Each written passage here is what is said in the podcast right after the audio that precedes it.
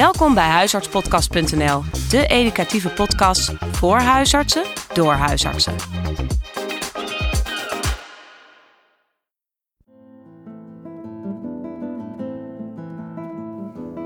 Welkom bij deze podcast. Goed dat je luistert.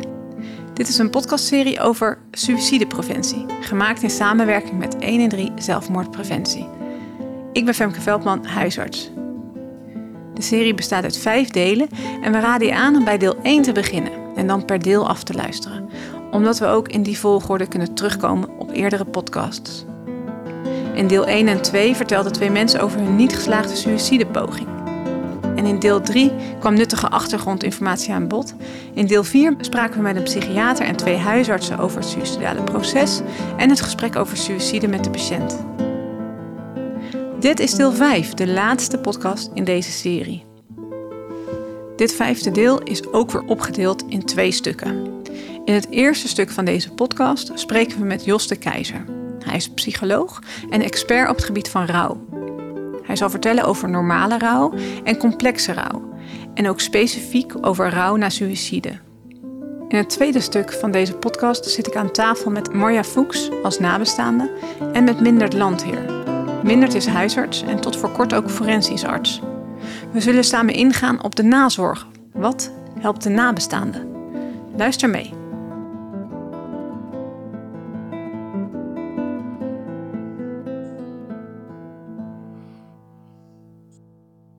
Goedemorgen, Jos. Goedemorgen. Uh, jij bent bijzonder hoogleraar psychologie aan de Rijksuniversiteit van Groningen. Je bent gepromoveerd in 1997 over de begeleiding en behandeling van rouw. En veel ervaring met rouw en complexe rouw. In 2005 heb je een boek geschreven genaamd Verlies door suïcide. En dat is een werkboek voor nabestaanden. Ja, misschien is het goed om te weten dat er is ook een katern speciaal voor zorgverleners en uh, ook echt uh, relevant voor huisartsen. En uh, het boek is uitverkocht, maar het is gratis te downloaden op je website. En die website is ook jostekeizer.nl. Nou, we gaan eerst hebben over normale rouw en vervolgens over het verschil met complexe rouw en daarna rouw na suïcide. Jos, wat fijn dat je hierover kan vertellen.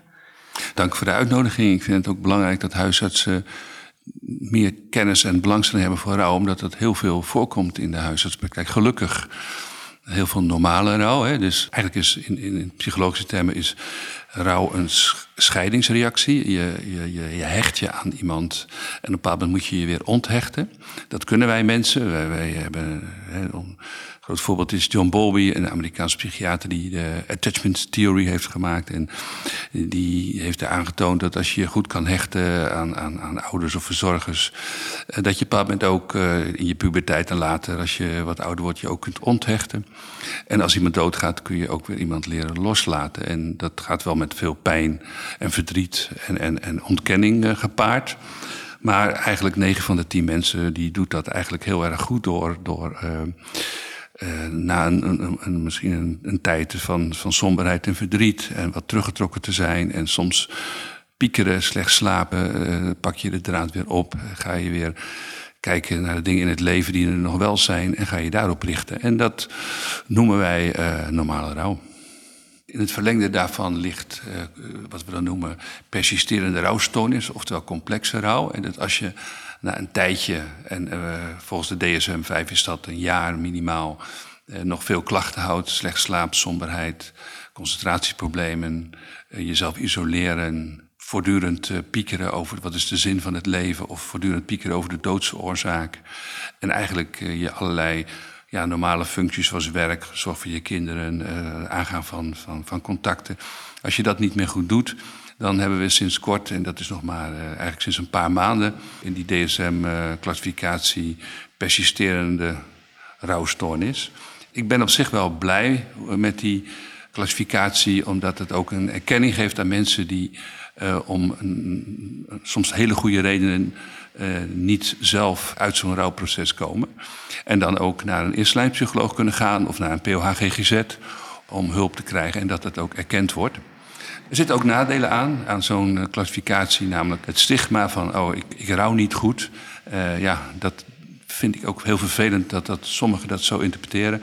Maar wij vinden de voordelen van erkenning van zo'n... dat iemand het moeilijk heeft... Uh, en dat, dat daar hulp is die kan helpen, want we hebben effectieve therapieën. Dat vinden wij een, een belangrijke reden dan het nadeel van de stigmatisering. Ik wil ook eigenlijk wat vertellen over hoe komen mensen uh, tot complexe rouw. En dat heeft ja. heel erg te maken met de doodsoorzaak. Uh, op, na natuurlijk overlijden, zei ik net al, gaan 9 van de 10 mensen gaan er eigenlijk heel goed mee om. Of het nou een, een ouder is, een partner of een, of een kind. Maar na een niet-natuurlijk overlijden, eh, dan is dat een stuk moeilijker. Dan liggen die percentages veel hoger. Na bijvoorbeeld een, een natuurramp uh, of naar bijvoorbeeld de COVID die we recent gehad hebben, dan zie je dat die percentages omhoog schieten naar ongeveer 1 op de 3 mensen die problemen heeft met, met rouw. Dat heeft te maken met het plotselinge en het, het, onverwachte, het niet afscheid kunnen nemen. Uh, een groep waar wie het nog veel moeilijker is en waar we denk ik nu wel wat meer over gaan vertellen, is na een, uh, als je dat door geweld gebeurt. Hè, dus moord of suïcide. Of een, uh, een verkeersongeval met dodelijke afloop waarbij de bestuurder uh, schuld heeft. We noemen dat de zogenaamde man-made gebeurtenissen die door mensen worden veroorzaakt. En dan is er een dader en dan komt een ander element, dan ben je namelijk, word je boos. En boosheid is een heel lastig iets in een goed rouwproces. Als je dat te veel hebt, dan is het moeilijker om er overheen te stappen en weer de draad van je leven op te pakken. Ja. En wat zouden we met die complexe rouw zelf als huisartsen kunnen? De, de huisarts uh, is het belangrijk dat hij het kan constateren. Dat hij ook uh, goed naar mensen luistert. En dat die huisarts ook mensen de mogelijkheid geeft om te overwegen om in behandeling te gaan. Ik zou het huisartsen niet zelf aanraden om een, een soort gesprekstherapie van tien keer of zo te gaan doen. Uh, omdat, ja, de huisartsen die ik ken, die hebben daar geen tijd voor. Maar gelukkig zijn er wel hele goede POH-GGZ. Daar hebben we hele goede contacten mee. Die kunnen vaak zo'n zo'n opvang goed doen. En heel veel POH-GGZ die verwijzen ook dan vervolgens door naar een, naar een psycholoog. Omdat die criteria nu wat meer helder zijn, hè, die DSM-5, zie je dat dat doorverwijzen ook beter gaat. We hebben onderzoek gedaan naar de behandelkloof. Hè. Dus, dus, dus waarom als mensen deze klachten hebben, uh, waarom laten ze zich niet behandelen? Nou, bij diabetes is die behandelkloof 5% geloof ik. Ja. Bij complexe rouw is dat uh, ongeveer 50%. Zo. Dus mensen denken, ja, mijn kind is vermoord. Ik moet ermee leren leven. Ja. Uh, ik moet slecht blijven slapen. Ik moet geïrriteerd zijn. Ik moet me blijven afzetten. ik moet de zorg van mijn andere kinderen op een laag pitje zetten. En ja, wij vinden dat heel erg zonde. Omdat we hebben een gecontroleerde studie gedaan rouw na moord aan de Universiteit van Groningen.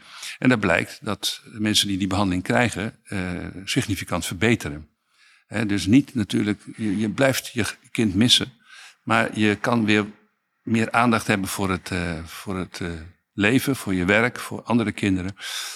en dat is zo'n behandeling. En wat we in die behandeling vooral doen is proberen dat de, zeg maar de nabestaande wat minder dadergericht is. Uh, want als jij altijd maar met die daden bezig blijft, hè, dan, dan, dan verstoort dat jou, jouw leven in een versterkte mate. Dus als het je lukt om je om met andere dingen bezig te houden, niet dat je je hoeft vergeven of dat soort dingen, maar gewoon je op andere dingen richten, dan heeft jouw kwaliteit van leven neemt echt toe. Sommige mensen komen bijvoorbeeld na acht jaar of zo, die zeggen, nu ga ik toch maar eens hulp zoeken. En dan en, en, dan hebben ze een, een, behandeling en dan uh, hoor je na een tijd, waarom uh, ben ik niet eerder gekomen? Ja. Hè? En dat proberen we ook nu wat meer duidelijk te maken. Uh, ik werk samen met twee collega's, doen we wetenschappelijk onderzoek naar de behandeling van rouw. Paul Boelen en Geert Smit. En met z'n drieën hebben we een handboek traumatische rouw geschreven. na een verkeersongeval, na een suïcide, na een moord, na vermissing. na corona-overlijden, hoe, hoe ga je dan om met dat verlies? En daar zijn elke behandeling is weer anders, heeft een andere focus. Bij suïcide uh, zie je dat heel veel mensen last hebben van schuldgevoelens. En, en daar hebben we dan ook een hele gerichte behandelmethode op gemaakt.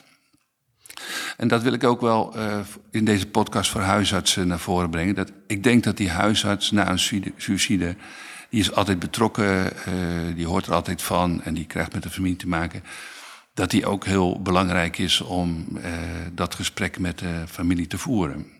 omdat de huisarts toch een, een autoriteit is op het gebied van de gezondheidszorg. Uh, ja, ik, ken, ik woon, werk in Friesland. Ik ken een aantal huisartsen die dan keukentafelgesprekken doen. Die gaan naar een gezin toe en, en die, die luisteren. En die luisteren naar van hoe, hoe de ene familielid het beleeft, hoe de andere. Iedereen heeft weer eigen gedachten, eigen schuldgevoelens. Dat, dat die schuldgevoelens er mogen zijn. Dat je niet gaat zeggen, ja, maar kijk, jouw vader was depressief, daar kon jij toch niks aan doen? Nee, zo beleeft een jongen van 15 dat. Hij had zijn vader, et cetera. Dat, dat is ook goed om daar uh, ja, de tijd voor te nemen. En daarbij stil te staan. En, en, en, misschien als je goed geluisterd hebt, dan nog eens wat meer te vertellen over hoe, hoe plegen mensen nou uh, suïcide. Hè? Uh, wat gaat er aan vooraf? En, en dat kan wel helpen in die verwerking als je goede informatie hebt. veel mensen die suicidaal zijn, die, die komen in een soort tunnel, tunnelvisie. Ja, het is soms ook heel moeilijk te begrijpen. Het ene moment heel helder, weten ze de, de code van de kluis nog. En het andere moment zijn ze hun kinderen vergeten en springen ze van een flat af. Het is heel apart hoe, hoe zo'n tunnel eruit kan zien. Soms ook moeilijk te begrijpen. Soms moet je ook uitleggen wat is een psychose. Wat doet iemand in een psychose? Zodat de achterblijvende gezinsleden het kunnen begrijpen. Want wij zijn denkende wezens. Wij willen, wij willen dingen betekenis geven. Wij willen die waarom vragen, die naar suïcide zo belangrijk is. Waarom heeft hij het gedaan? Die willen, wij, uh, die willen we beantwoorden. En uit ons onderzoek blijkt ook dat als je die waarom-vraag niet op de een of andere manier adresseert, dat die maar in je hoofd terug blijft komen. Dus, dus een antwoord op die waarom-vraag is wel uh, belangrijk. En dat kan best voor de een een heel ander antwoord zijn dan voor de ander. Dat mag ook best naast elkaar bestaan. Maar het is wel belangrijk om dat met elkaar te bespreken. En ik, en ik denk dat in dat soort gesprekken de huisarts en mogelijk ook de POH-GGZ een, een belangrijke rol uh, kunnen vervullen. En als je dan kijkt naar een casus waarbij uh, ook in onze praktijk er was een uh, onverwachts overlijden, geen afscheidsbrief, helemaal geen kennis over wat er is gebeurd, waarom iemand het heeft gedaan, geen signalen vooraf. Ja, dan is het heel moeilijk om die waarom-vraag te kunnen beantwoorden. Ja, mensen kunnen geheimen hebben. Hè?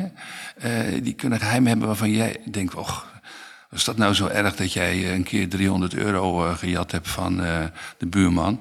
Maar iemand kan daar ontzettend veel last van hebben. En dus je weet het niet. En die geheimen die, die kunnen ook heel groot zijn over ja, dingen die met misbruik of andere dingen te maken hebben. Maar uh, wat er in die tunnel gebeurt, dat iemand voelt pijn. En die voelt heel veel pijn van binnen, emotionele pijn, soms ook fysieke pijn. En die wil weg van die pijn. Die wil niet dood, maar die wil weg van die pijn. Die denkt niet, ik, ik wil mijn kinderen of mijn partner in de steek laten. Nee, die wil op dat moment even niks voelen. En centrale woord bij suïcide is hopeloosheid. Je voelt je hopeloos, je hebt geen hoop meer. Ik vergelijk het wel eens met, stel je zit in een, je hebt uh, hoogtevrees en je wordt in je eentje losgelaten op een uh, zo'n hoge plaat uh, op zo'n flat. En, en ze zeggen tegen je, je moet de hele nacht, de hele dag blijven. Ja, dan spring je naar beneden op een bepaald moment. Je wordt er gek van, bij wijze van spreken. Uh, en, en, maar dat is hopeloos. Je, je, je, je weet het niet meer. En sommige mensen kunnen gelukkig die hopeloosheid uiten. Dan kun je het voorkomen. Maar ja, sommige mensen zitten zo op slot, zijn zo gesloten, dat ze dat niet laten merken aan, aan niemand. En dan denkt vaak een partner van, ja, ik stond zo dicht bij hem. Hè? Maar ik heb het niet gezien. Hm. Maar ja, soms sta je te dichtbij. Uh, dan zie je het wat beter als je op afstand staat. Dus soms kunnen familieleden dat ook niet zien. En dat is ook belangrijke informatie. Hè? Dat is net zo goed als je. Ik kijk hier naar een mooie uh, schilderij op de achtergrond. En dan denk ik, op afstand is dat denk ik mooier dan dichtbij. Je ziet andere dingen. Dus ik beveel mensen niet aan om op afstand te gaan staan, maar je ziet dingen niet. En dat moet je je ook realiseren. Mensen hebben een binnen- en een buitenwereld.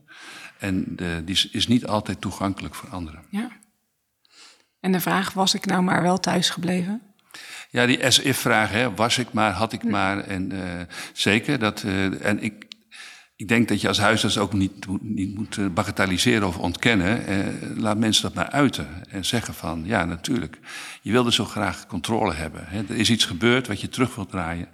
En je brein is bezig dat terug te draaien om die controle alsnog te krijgen. En dat, Dat lukt niet. En dat kost heel veel uh, piekertijd, heel veel energie, heel veel kracht, heel veel, uh, heel veel slapeloosheid. Uh, dus als het lukt om nou met yoga, mindfulness oefeningen, andere dingen, cognitieve therapie, om je aandacht op andere dingen te, te richten, bijvoorbeeld op je ademhaling of op mooie momenten die je samen had voordat je dierbare overleed, dan is dat veel waardevoller, voor, ook voor je eigen toekomst. Ja. En uh, het plotsen van de suïcide, het ineens iemand uit een leven gerukt zijn terwijl het daarvoor gewoon goed ging. Maar het ging gewoon goed. Ik zag geen probleem komen. En ineens is iemand weg. En dan met de gedachte dat diegene dat zelf heeft gewild. Ja, dat zelf willen, dat, dat, dat, daar heb ik wel wat vraagtekens bij. Hij hm. heeft het gedaan. Hm, ja, dat, is het criterium. Hij heeft het zelf gedaan. Zelf gebruik ik niet het woord zelfmoord, want moord is iets wat je met voorbedachte raden doet. Ik gebruik liever de term zelfdoding of suïcide, maar dat is gewoon een persoonlijke voorkeur. Uh, maar het, is vaak niet met voorbedachte raden. Het is vaak impulsief. Uh, en sommige mensen uh, hebben, zijn meer impulsief dan andere mensen. En als je heel hopeloos bent en je bent heel impulsief, die combinatie, ja, dan, dan heb je een grotere kans om dat te doen. Uh, het is wel heel belangrijk om dat bijvoorbeeld te achterhalen, ook uh, met de, de schouwarts erbij eventueel, inderdaad naar afscheidbrieven of, of misschien berichten op de, op de telefoon of in de computer te kijken. Misschien heeft iemand contact gehad met de GGZ. ik vind dat GGZ-medewerkers ook familie moeten helpen ondanks hun beroepgeheim, met goede informatie over wat, er, wat iemands toestand was. je moet dat beroepsgeheim wel respecteren, maar je moet ook de verwerking van de nabestaanden uh, ruimte geven. He, dus een spanningsveld waarbij ik we vinden dat te veel met name collega's in de GGZ uh, eh, eh, wat terughoudende ja. houding aannemen. Terwijl het zo belangrijk is voor nabestaanden om te weten van ja, dat en dat speelde er. En dat uh, is waarschijnlijk de druppel waardoor hij een eind aan zijn leven heeft gemaakt. Dat had niks met jou te maken als partner of als zoon of als vriend ja. of als werkgever. Want, uh, maar het heeft echt met andere dingen te maken. Na suicide zie je vaak dat in de directe opvang van familie en, en, en vrienden en, en, en, en uh, nou, kerk en, andere werkgevers heel goed is. Uh, er is veel betrokkenheid. Uh, gelukkig hebben we in Nederland een goed een groot aantal lotgenotenverenigingen na zelfdoding, platforms. En ja, het is heel verstandig om patiënten die bij de huisarts komen daarop te wijzen dat dat er is. Ik wil op één punt wil ik echt uh, de focus leggen voor huisartsen. Dat, huisartsen zijn natuurlijk de, de constante factor in de, in de gezondheidszorg. En huisartsen zien ook uh, vaak hun patiënten voor, voor andere zaken, lichamelijke oorzaken, medicatiecontroles, et cetera. En het is zo belangrijk dat in die nafase, bijvoorbeeld na drie maanden of een half jaar, uh, dat de huisarts nog eens een keer dat gesprek aangaat met het gezin of met de partner. Ja, gewoon belangstelling, hoe gaat het nu, luisteren. Uh, nou ja, met de kennis die de huisarts heeft over uh, tunnelvisies en de neiging tot negatief denken, schuldgevoelens, de waarom-vragen, dat je daar misschien dat in je achterzak meeneemt naar zo'n gesprek, maar vooral te luisteren. Hè? En ja, laten we eerlijk zijn, luisteren is een van de moeilijkste dingen die er is. Echt goed luisteren. Van wat voelt iemand, wat betekent het voor iemand? Uh, dus, dus neem daar niet dan vijf minuten voor. Hè. Uh, ja, ik weet dat huisartsen hele volle agenda's hebben, maar ik zou dan zeggen, doe het niet of neem daar een, een half uur voor. En dat is wel heel belangrijk. En ik, ik, ik vind juist die huisarts zo belangrijk, omdat er zoveel andere hulpverleners zijn die komen en gaan. Maar de, ja, de huisarts is een stabiele factor die ook een gezin kan monitoren. Hè, en ook kan kijken van wie redt het niet in dat gezin en wie heeft er eventueel hulp nodig. Omdat mensen niet gauw zelf uh, naar een hulpverlener stappen. Vaak in gesprek met een, een huisarts dat veel eerder doen. Ja, dus ook echt oog voor de verschillende uh, individuen binnen het systeem eromheen. Ja. Ja. ja. En dan ook omdat nog altijd uh, rond suicide is een stigma. Zo van, er wordt toch niet zoveel over gepraat op, op feestjes en verjaardagen. Het is toch een moeilijk onderwerp. Ja dat je als huisarts ook een beetje model bent. Te zeggen van je kunt erover praten. Hm. Hm. Dat is wat wij mensen hebben. Praten en, en, en onze emoties tonen en onze betrokkenheid tonen. Uh, dat is helend. En dat is denk ik ook een, ja, een belangrijke rol van de, die de huisarts in kan nemen. Wat ik hierna zei tegen Jos, was dat ik zelf ook een beetje huiverig was om dan weer een afspraak te maken met de nabestaanden. Omdat je bang bent dat er zoveel vragen komen die je zelf ook niet kan beantwoorden. Dit was wat hij daarop zei. Ja, maar dan kun je zeggen, ik weet dat niet. Maar dan praat je er wel over. Ja, ja, ja. Ik heb er geen idee van. Uh, mogelijk kan het te maken hebben met nou, tunnelvisie of het kan uh, te maken hebben met andere dingen. Maar je bent erover in gesprek. Hè? Het is, Ja. het is, dat is zo belangrijk, de openheid daarover. En uh, vermijding is echt uh, heel groot. Nou, dan kom ik weer maar waar ik mee begon. Vermijding is de, de, de basis voor complexe rouw, voor niet goed rouwen. Dus dat je dat ook doorbreekt en dat je ja, het mooiste is als je als huisarts, vind ik dan, ik noem het dan keukentafelgesprekken, komt en dat de andere, eh, dat je gewoon erover kan zitten en over kan praten met elkaar. Ja, ja. Eh, niet met een doel, niet met een oplossing, maar being there, zeg maar. Ja, ja, ja. mooi gezegd. Hey, nog even naar mij als huisarts. Je hebt zelf ook als huisarts een schuldgevoel na een suïcide. Of je kan ook na een suïcide een schuldgevoel hebben. Iemand is bij je geweest en uh, je hebt het misschien niet gezien. Had ik het moeten zien? Ja, ja, goed. Bij de GGZ speelt het ook dagelijks. Je doet een inschatting en uh, heel vaak schat je het goed in en soms uh, schat je dat verkeerd in. ja, het is ook niet een oplossing om iedereen maar op te nemen. Sterker nog, binnen de gesloten afdelingen vinden meer suicides plaats dan in de vrije praktijk. Maar goed, dat is een beetje het verhaal van de zebra-pad waar veel mensen oversteken en veel meer mensen een ongeluk krijgen. Dus dat is niet helemaal eerlijk. Terug naar de, de kern van een, professional, een huisarts, een psychiater, een psycholoog, die heeft ook soms last van falen en schuldgevoel. En laat dat gewoon gebeuren. Jouw hoofd wil het corrigeren en het is ook heel pijnlijk. Dus daar kan je niet zo heel veel aan doen. En dat, in de meeste situaties gaat dat wel. na een tijdje dan, dan verzacht dat wel weer, wordt het wel weer wat milder. Ja. ja. Hey, en even over machteloosheid, dat is het laatste wat ik zou willen zeggen. Um, machteloosheid heb ik van mijn opleider ooit eens gehoord. De machteloosheid die je voelt, komt doordat je jezelf eigenlijk te veel macht toedicht. Ja. En misschien is dat ook wel zo op zo'n moment om het wel of niet te zien. Het is soms ook lastig als iemand in zijn tunnel zit en om dat te detecteren. Precies, ja. ja. Het is een beetje in, in de psychiatrie, psychologie hebben nu de Paul Verhagen discussie over de, dat, dat wij alles maar maakbaar moeten zijn. Hè? En, maar goed, we moeten dingen verdragen. Dingen, ja. We weten een heleboel dingen niet.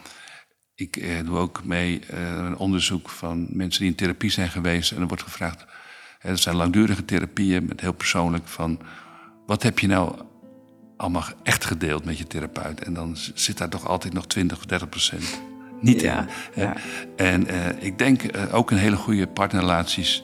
Er zijn ook heel veel dingen die je niet met je partner deelt. Uh, dus, dus heb niet de illusie dat je, dat je de ander echt door en door kent. En dat ja. is denk ik ook wel belangrijk. dat maakt je wat genuanceerder in je eigen veroordeling van jezelf ook. Hè? Dus wat milder daarin.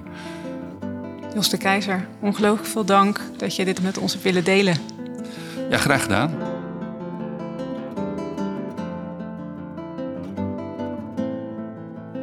Gaan we naar het tweede stuk van deze podcast. En zal ik aan tafel zitten met Marja Fuchs als nabestaande en Mindert Landheer als huisarts en tot voor kort ook forensisch arts. Hoe kan je nabestaanden goed bijstaan? Goeiedag, Mindert, Marja. Mindert, jij als huisarts en huisartsopleider ook sinds kort. En jij, Marja, als ervaringsdeskundige. Nou, wat goed dat we het hier in deze nazorgpodcast met jullie over kunnen hebben. Mindert, de directe zorg na suïcide. Kan je, kan je ons daar eens in meenemen? Wat gebeurt er dan? Wat moet er dan allemaal gebeuren? Wij, um, wat ik gewend was, is dat de melding vaak via de politie binnenkomt, politiemeldkamer. Vervolgens uh, gaan we ter plekke en treffen wij dan een situatie aan, vaak met veel politie. Uh, daarbij is ook iemand van de forensische opsporing. Forensische opsporing doet fotografie. die helpt mee aan het onderzoek wat wij op dat moment doen. En een enkele keer krijgen wij ook een melding via de huisarts zelf binnen. En dan overleggen we ook vaak met de huisarts van wat gaan we doen? Hoe wil je dat wij het forensisch onderzoek insteken? En uh, op die manier uh, gaan we het lichaam onderzoeken. samen met forensische opsporing om te kijken of er inderdaad sprake is van zelfdoding. een enkele keer blijkt dat een in scène gezette zelfdoding te zijn. En vandaar dat ook justitie daar toch wel bij betrokken wordt om te kijken of daar geen strafbare feiten uiteindelijk aan de grondslag liggen. dat is in kort gezegd eigenlijk wat onze taak op dat moment is en wat wij doen. Uh, meestal zijn er geen nabestaanden uh, bij betrokken. Die uh, komen va vaak op een later moment nog in beeld. Dat geldt in ieder geval voor mij als forensisch arts destijds. Af en toe komt het wel voor dat er ook nabestaanden bij betrokken zijn. En ook meestal wordt het dan, ja, de nabestaanden wordt gesproken door, met de politie. recherche is er dan soms ook bij die dan ook vragen stellen. Dus het is voor uh, nabestaanden wel vrij beladen uh, geheel als zij uh, op dat moment wel aanwezig zijn. En wat is dan jouw verdere vervolg met de nabestaanden? Is er nog een soort van begeleiding vanuit jouw kant? Dat, dat, hangt, dat is ook wel een beetje afhankelijk van de situatie. Um, maar ik was destijds wel actief uh, in, het, uh, in het uitdelen van, uh, van visitekaartjes. We hadden visitekaartjes mee. En als er wel vragen waren, hè, soms was er geen nabestaande, gaf je toch aan de politie gaf je dat kaartje om, om te zeggen: van, Nou, zijn er vragen, neem contact met ons op.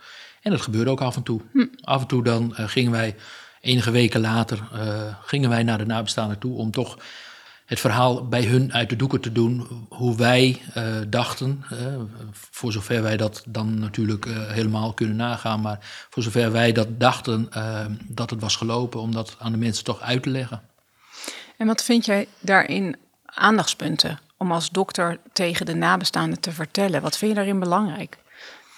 Nou, het was vooral heel belangrijk, heb ik gemerkt, dat de nabestaanden zekerheid hadden over identiteit. Mhm, we mhm. kregen natuurlijk ook te maken met uh, suïcides waarbij het lichaam niet meer herkenbaar uh, was als zodanig. En ik heb wel gemerkt in ook gesprekken met nabestaanden dat dat een heel belangrijk item was. Van is dit inderdaad degene over wie het is, is dit mijn, mijn dierbare die hier, hier is mhm. overleden? Dat was, dat was een belangrijk aspect. En wat je toch ook vaak wel hoorde was mensen wilden toch graag weten van heeft iemand lang moeten lijden?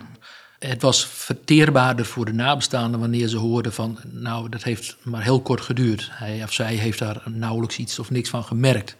Het is heel snel gegaan. En uh, dat was voor de mensen toch ook wel vaak helpend om, om, om verder, uh, in ieder geval, daar, ja, dat stukje angst voor, voor lijden uh, weg te nemen. Dat heb ik wel ervaren. Um, en toch ook iets vertellen over. Um, over hoe zoiets dan in het algemeen toch gaat. dat iemand die, die een ziekte heeft, mensen hadden uh, depressie vaak, en dat je dan de mensen ook uitlegde uh, in, in termen van uh, dat, dat iemand in een soort tunnel terechtkomt waar iemand geen andere uitweg meer heeft. en dat, dat, dat alles wat om hen heen is, wordt vergeten. Dat was eigenlijk voor de mensen ook wel helpend om, ja, zeg maar verder te kunnen. Dat was, dat was in ieder geval wat ik ervaren heb daarin. Ja. ja. Jos de Keizer die heeft het ook over die waarom-vraag. Uh, en hij zegt daarin ook, als die waarom-vraag niet geadresseerd wordt, dan blijft dat hangen. Wat is jouw ervaring daarmee? De waarom-vraag eh, op die manier is ook heel moeilijk om te, te zeggen voor ons. Des, in, in, uh, af en toe is er wel een briefje, hè, er wordt er toch een brief achtergelaten. Uh, de waarom-vraag adresseerde ik vaak in de term van uh, ziekte. Ja. dat het toch uit een ziekte voortkomt. Niet in termen van, goh, uh, dit heeft hij zo gewild. Dat is ook mijn ervaring niet dat dat, dat, dat zo is.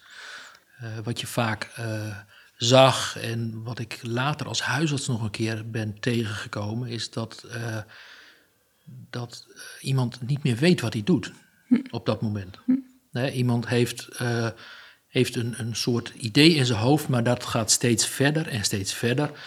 En dan op een gegeven moment weet iemand niet meer exact eh, bewust wat hij aan het doen is. Eh, dat heb ik als huisarts een keer meegemaakt op een huisartsenpost. Waarbij een, eh, een jonge dame, die van middelbare leeftijd, die uh, schrok in één keer wakker uit een ja, trance, zo ze dat noemden. toen er achter haar gebeld werd door een fietser van... hey, ga eens even aan de kant. die was van plan om in het water te gaan springen. En daar kon ze zich niets meer van herinneren. Alleen dat ze in één keer wakker werd en aan de waterkant stond. Ja, dat is wel een heel, heel typisch voorbeeld van een tunnel. Waarbij je ook maar iets heel lichts misschien wel nodig hebt om ehm, in de werkelijkheid weer te belanden. Maar ja, sommige mensen hebben niet iets lichts maar nodig. Dan, die zitten gewoon echt vast in die tunnel. Ja. En wat verder in het vervolg met de nabestaanden? Dat is de meerderheid de huisartspraktijk. Hm.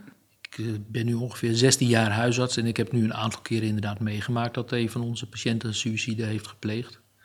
En uh, dat is voor, je, voor jou als huisarts ook wel een hele schok, moet ik zeggen. En uh, dat moment uh, lig je eigenlijk alles op, opzij en ga je die kant op. Ga je naar de, ga je naar de nabestaanden en dan ga je gewoon zitten. ga je gewoon praten. Ja. En luisteren vooral. Wat, is, wat zijn de vragen? Wat willen jullie van me weten? Eh, maar vooral ook, waar hebben ze behoefte aan? Hè? En dat, dat, dat is mijn ervaring als huisarts zijnde, dat je daar de tijd voor moet nemen. Ga rustig voor zitten. Het keukentafelgesprek, wat uh, Jos de Keizer zei. Zoals Jos de Keizer zei, ja. het keukentafelgesprek. Ja. zeker. Ja. Even terug naar wat je eerder zei over uh, het lijden. Dat ze zich daar zorgen over maken. Dat, uh, dat ze dat willen weten van je. Je zei, je krijgt de vraag van nabestaande, heeft hij lang geleden? Wat, wat, wat zeg je daar meestal op? Meestal is dan toch het antwoord dat mensen een methode kiezen die vaak snel is die uh, snel ook het overlijden uh, uh, intreedt, die ook bij hun past. dat zie je heel vaak bij suicides. mensen hebben vaak ook dingen van tevoren wel uitgezocht voordat ze überhaupt niet meer weten wat ze doen, hebben ze dingen uitgezocht. Hebben ze ook methodes uitgezocht, hebben ze ook voorbereidingen getroffen. en dat is wat ik wel vaak tegenkwam, in ieder geval toen ik forensisch arts was en ja, als huisarts heb ik dat een aantal keren meegemaakt. En dan zie je toch ook dat mensen methodes kiezen die snel zijn. Dit is om voor de mensen het plaatje compleet te maken. Mensen willen toch graag antwoorden op bepaalde vragen die, die als huisarts niet altijd helemaal kunt, kunt adresseren, maar wel zodanig kunt benoemen dat mensen ook weer verder kunnen om hun plaatje, dat het volledig helder voor hun is. Ja. je wilt mensen toch graag, en zeker de nabestaanden van na zelfdoding, uh, proberen dat ze hun leven weer enigszins kunnen oppakken en niet blijven hangen in een denken over hoe is dat gegaan. En uh, mensen moeten verder, willen graag ook verder, alleen ze weten soms niet hoe ze dat dan moeten hebben. En ze moeten toch een compleet plaatje hebben om hun ja, om hun leven weer verder te kunnen, uh, kunnen ja, gaan. Ja, ja Marja, hoe, her, hoe herken jij dat? Ja, nou daar zit, daar zit heel veel, daar herken ik heel veel in. Uh, ik was destijds uh, 16. Uh, en dat is dus ook al wel weer geruime tijd geleden, hè, dat zei je al. Um, en ook uit een gezin waar niet alles zomaar werd besproken. Dus ik ben heel lang van heel veel niet op de hoogte geweest en heb me pas later gerealiseerd hoe vitaal belangrijk het is om die informatie, ook al is die niet misschien helemaal compleet, om die wel te krijgen. Ja. Uh, dus het, het goede verhaal over wat er is gebeurd, uh, het verhaal over wat er vooraf is gebeurd en daarna ook heel erg de mogelijkheid om dat vele malen, vele malen te vertellen, te mogen vertellen. Want het is, uh, ja, het is zo'n dramatisch verhaal waarvan iedereen altijd denkt, nou dat wil je niet nog een keer vertellen. Maar ik wilde dat echt wel honderd keer vertellen. Want dat gaf lucht. Ja. ja. Ik kan me voorstellen dat mensen er niet meer naar vragen. Het niet meer bij jou op willen rakelen. Als je zo jong bent, 16. Uh, eh, maar je zegt nu, je wil eigenlijk het verhaal heel vaak vertellen. Ja, ik denk dat, dat ook een 16-jarige, maar ik denk ook een 12-jarige, misschien ook wel een 8-jarige, kun je ook gewoon vragen. Uh, wat zou je willen? Wat wil, wil je het erover hebben? Dat had mij ook prima gevraagd kunnen worden. Hm. Dan had ik daar ja of nee op kunnen antwoorden. Ik denk dat alle omstanders, of dat nou professionals zijn of nou, eh, buurtbewoners of familie, zich moeten realiseren dat je vanaf zo'n zelfdoding ook in een soort van tunneltje komt. En dat het heel erg belangrijk is dat mensen die buiten dat tunneltje van je eigen systeem zitten, ook die interesse blijven tonen. En ook checken ben je wel oké? Uh, of jou even uit dat systeem halen. Want het is helemaal niet zo'n fijn systeem om heel lang in te zitten. Je wilt namelijk ook weer deelnemen aan het gewone bestaan. Uh, maar het is niet altijd zo dat iedereen daartoe dan ook een hand reikt. Juist omdat ze denken, ja, ja. Ja, ik denk hetzelfde geldt eigenlijk voor vragen naar heb je suïcidale gedachten. Ook hier geldt dat je gewoon moet vragen wat iemand wil. Of je het er nog een keer over wil hebben. Kun je het verhaal, wil je het verhaal nog een keer kwijt? En ik denk dat in de huidige tijd, dat hoop ik tenminste, dat het anders is. Ik bleef achter met een vader die, die denk ik zoveel schuld en schaamt en zoveel verdriet had om zijn partner. Die was eigenlijk niet meer voor mij aanspreekbaar. Dus ik bleef als 16-jarige achter met een vader die zoveel verdriet had dat er feitelijk geen ruimte was. Ik heb nooit iemand gezien. Niet van school, niet van mijn sportvereniging, niet van de kerk. Ik heb nooit iemand gezien. Ja, daarvan denk ik achteraf, ik hoop maar dat dat nu echt anders is. Bovendien was ik echt een moederskind. Dus ik bleef opeens over met een man die ik alleen maar kende van dat hij zes uur thuis was. Hm. Na zijn werk en dat was het dan. Uh, dus ik moest me ook opeens voegen. Maar mijn vader was ook de vader die s'avonds, iedere avond, ik denk wel twee jaar lang huilend in slaap viel. En dat hoorde ik. Ja. Dus ja, het, ja um, het was heel alleen. Het was heel alleen. Ja, het is niet voor niks ook een risicogroep dus. Nee. Ja. nee. En wat waren de vragen die jij had? Want er was heel weinig bekend eigenlijk. Nou, ik had het dus niet zoveel vragen, omdat ik eigenlijk zelf heel slecht geïnformeerd was. Dus ik heb denk ik heel lang niet geweten waar ik nou precies naar moest vragen. De waarom-vraag had ik niet. Want ik heb daarvoor uh, twee jaar met mijn moeder ook gewoond. En ik vond toen al dat mijn moeder heel gek deed. Ik schaamde me ook voor haar. Uh, maar, maar ja, ik was te jong, dus ik deed denk niet mee in de familiegesprekken over het gek doen van mijn moeder de, de dag dat mij verteld was dat mijn moeder overleden was, wist ik ook dat het om een zelfdoding ging. Ik weet niet waarom, maar dat wist ik. Jongen, zo jong dat je dat al Ja, je voelt, nou, dat was niet dat je iets bewust weet, maar je voelt het. Dit is niet oké. Je voelt, dit is niet oké. Ja. Ik weet ook dat toen nog is geprobeerd om mij te weerhouden de waarheid uh, daadwerkelijk te weten. Omdat mijn vader aanvankelijk zei: Mama is van de trap afgevallen. En het eerste wat ik zei was: Dat is niet waar. Dat kan ik me nog heel goed herinneren. Hm. Ik heb me wel altijd afgevraagd hoeveel moed je moet hebben om dat te doen. Om een einde hm. te maken aan je bestaan. Ja. ja. Dat heb ik me wel vaak afgevraagd. En ik ben eigenlijk ook nooit heel erg boos geweest, maar ik denk dat dat voor iedereen anders is. Iedereen beleeft dat anders. Uh, ik ben juist heel boos geweest op mijn systeem wat het liet afweten. Ik denk ook dat het. Het is echt heel erg noodzakelijk dat er een stevig steunsysteem om mensen heen zit als dit gebeurd is. Ook eigenlijk een soort van dreamteam. Ja, een enorm dreamteam. Ja. Waar ook iemand van buitenaf af en toe even moet checken: klopt dit dreamteam hm. nog? Hm. Ja. Dat ook. Ja. ja. Ik denk echt wel dat dat. Dat is noodzakelijk om je verhaal te kunnen vertellen. En het is ook noodzakelijk om uh, op een gegeven moment, bijvoorbeeld voor een partner, want dat heb ik aan mijn vader ook wel gezien, er komen ontzettend veel praktische vragen om de hoek kijken. Over pensioen, over levensverzekeringen. Er moeten dingen worden uitgelegd waarvan je je hele leven niet had gedacht dat je dat zou moeten uitleggen. Dus ik denk dat het voor mensen heel erg ingewikkeld is om ook daar doorheen te moeten. Met alle obstakels en alle langdurige wachtlijnen bij allerlei instanties uh, die je moet doorstaan. Ja. Dus de eerste fase is ook heel erg die eerste opvang. En inderdaad, wat minder zegt, hè, dat dat plaatje proberen compleet te maken, het draaglijk te maken. En gedurende de periode toch steeds te blijven vragen: waar zit je nu? Hm. Ja. Waar sta je voor? En wat heb je, wat heb je nodig om dit weer uh, te kunnen doen? En wat had jij daar nodig?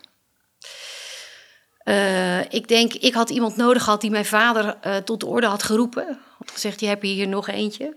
En die moet wel door. Ik had het op school nodig dat ik een uh, vertrouwenspersoon zou hebben, bijvoorbeeld. Hm. Iemand waar je gewoon naartoe kan.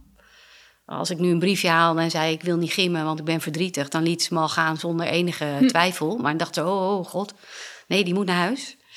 Dat was toen best lekker voor mij, maar er werd uiteindelijk natuurlijk nooit gevraagd Nee, er werd Nou, verder niks mee gedaan. Nee, er werd niks mee gedaan. Heb jij nog eh, zelf ook afscheid genomen van je moeder? Nee, dat mocht niet. Omdat de omstandigheden rondom haar dood eh, volgens mijn familie zo heftig waren... eh, dat het beter was dat ik dat niet zag. Daar heb, ik, daar heb ik heel veel last van gehad. Want ik heb nog heel lang gedacht dat ik er zag. Dat het toch niet waar was. Dus het feit dat je iemand moet zien... vind ik sowieso ook bij een natuurlijke dood... eh, is, is vaak heel belangrijk, maar hierbij ook. Eh, er zijn gelukkig toen de tijd wel foto's gemaakt van haar... Eh, en die heb ik, ik weet niet meer hoe, maar ooit uiteindelijk wel ergens bij een van mijn zus of broer ontfutseld. En die koester ik nog steeds, ja. Wat doe je daar meestal mee met dat vraagstuk, Mindert? Dat is ook wat, daarom vroeg ik het eigenlijk ook even, wat, wat wij toch wel proberen eh, als forensische arts ook, om, om, en ook als de begrafenisondernemer, eh annex eh mortuariemedewerker, om toch iemand toonbaar te maken.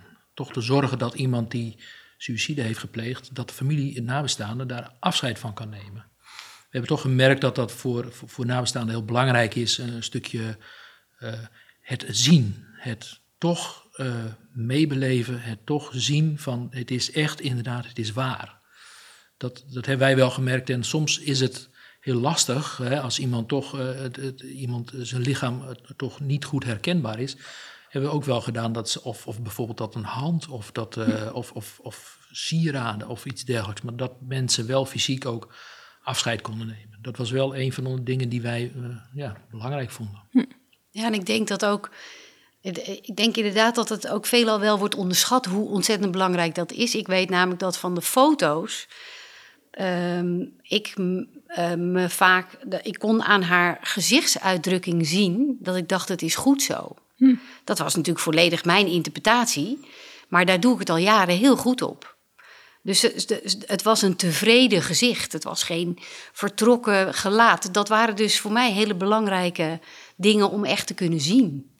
En dat, heeft al, dat soort dingen helpen dus enorm in hoe je, dit, hoe je hier verder verhaal en context aan geeft.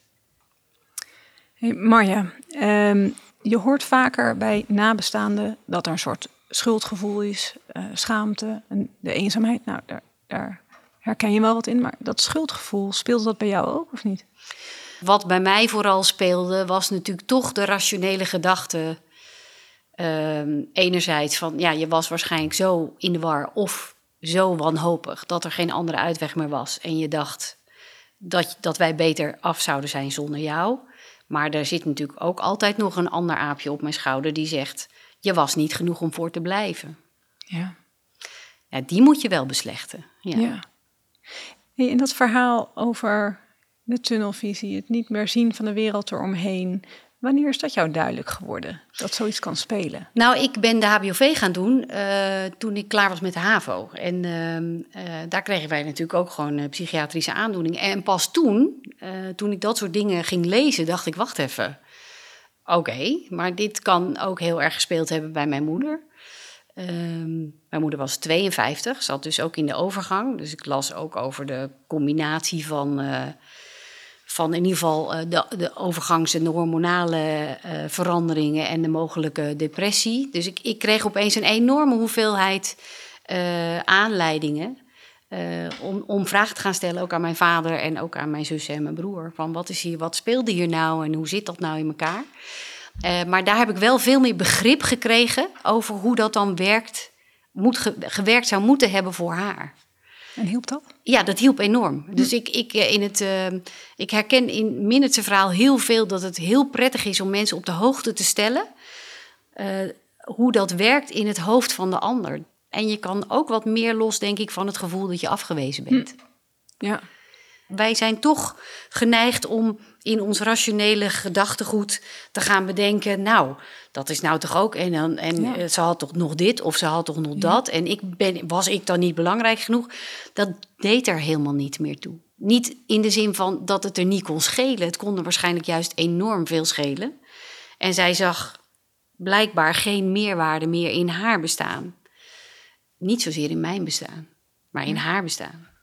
En op het moment dat je dat kunt draaien, dan kan je rust vinden in het feit dat het zo is gegaan. ja. Want dan speel je geen directe rol. Uh, Mindert, hoe kunnen wij als huisartsen voor onszelf zorgen? Door het te bespreken, wat je meegemaakt hebt met je collega's. Uh, samen uh, toch even dat, dat, dat bespreken. Dat je in ieder geval uh, dat je even kwijt bent. Dat je ook, ook, ook het gevoel even hebt, hebt benoemd. Mijn collega huisartsen, die, we, we, hebben natuurlijk dezelfde praktijk, hebben dezelfde patiënten. En onderling is dat dan prima te bespreken. Ja. Mijn eigen dreamteam. Ja. Hebben jullie nog laatste opmerking voor deze podcast? Marja, laten we met jou beginnen. Ja, nou ja, in relatie tot de huisarts, hè, voor wie we deze podcast maken, zou ik uh, nog willen toevoegen dat uh, plan na een zelfdoding van een van je patiënten een paar goede gesprekken in over de duur van een jaar. Luister. Check ook het systeem. Gaat het hier goed? Waar heb ik mee te maken? Zijn is dit een ouder iemand? Zijn er kinderen bij? Uh, maar vooral en bovenal toon interesse. Het is zo fijn als iemand na een half jaar of na drie kwart jaar gewoon langskomt en zegt: Hoe is het nu met je? Hm. En ik denk dat de huisarts daar een hele belangrijke rol in kan spelen. Ja. En Mindert, heb jij nog een laatste boodschap? Nou, het is voor de huisarts altijd goed mogelijk om toch contact op te nemen ook met de forensische artsen. En ook uh, te horen hoe dat uh, feitelijk in elkaar gezeten heeft, hoe het feitelijk uh, geweest is. dat kan de forensische arts prima uitleggen. Die kan er ook uitleg geven over, over bijvoorbeeld, heeft iemand geleden? Ja of nee? Ja. Hoe is dat gegaan? En dat kan je als huisarts in ieder geval helpen uh, in het gesprek met de nabestaanden, zodat je niet onbeslagen ten ijs komt. Hè? Ja. Het is altijd goed om beslagen ten ijs te komen, zodat je niet voor verrassingen komt te staan. Ja. Ja, ja en dat zou natuurlijk ook eventueel nog, als je de vraag hebt gehoord van de nabestaanden, dat je dan nog eens contact opneemt. En ook dat is heel goed mogelijk. Ja, ja. Mindert, Marja, ongelooflijk veel dank dat we het hierover konden hebben. En uh, we nemen dit mee de huisartspraktijk in. Graag gedaan. Hartelijk dank. Dit was deel 5 en de laatste podcast van de serie over suïcidepreventie. Het was een podcast met Jos de Keizer, Marja Fuchs en Mindert Landheer en ik ben Femke Veldman. We hebben gesproken over hoe je nabestaanden op een goede manier kan bijstaan. Goed luisteren, keukentafelgesprekken, over de uitleg over het suïcidale proces, schuldgevoel, schaamte en eenzaamheid en wat je daar als huisarts mee kan doen. Met deze podcast zijn we aan het einde gekomen van deze vijfdelige serie over suïcidepreventie. Die is gemaakt door 113 Zelfmoordpreventie en Huisartspodcast. Ik hoop dat jij als luisteraar er net zoveel van hebt geleerd als ik. Mocht je nog meer willen leren over suïcide, dan is er de e-learning beschikbaar voor huisartsen. De link daar naartoe staat bij de show notes. En er zijn ook nog scholingen over suïcidepreventie bij de LAV en uiteraard is er veel informatie te vinden op 113.nl. Dank aan alle sprekers die hieraan hebben meegewerkt. En ook dank aan de kwartiermakers, Martine Peppelenbos en Marja Fuchs. En jullie, luisteraars, bedankt voor het luisteren. Zorg goed voor jezelf en voor je patiënten. Voor vragen of opmerkingen kan je contactgegevens vinden op www.113.nl. Denk je zelf aan zelfmoord? 113 en je huisarts, die zijn er voor je. Je kan geheel anoniem bellen met 113 of chatten op de website. Het nummer van 113 is 0900 0113 en de website is www.113.nl. Bedankt voor het luisteren.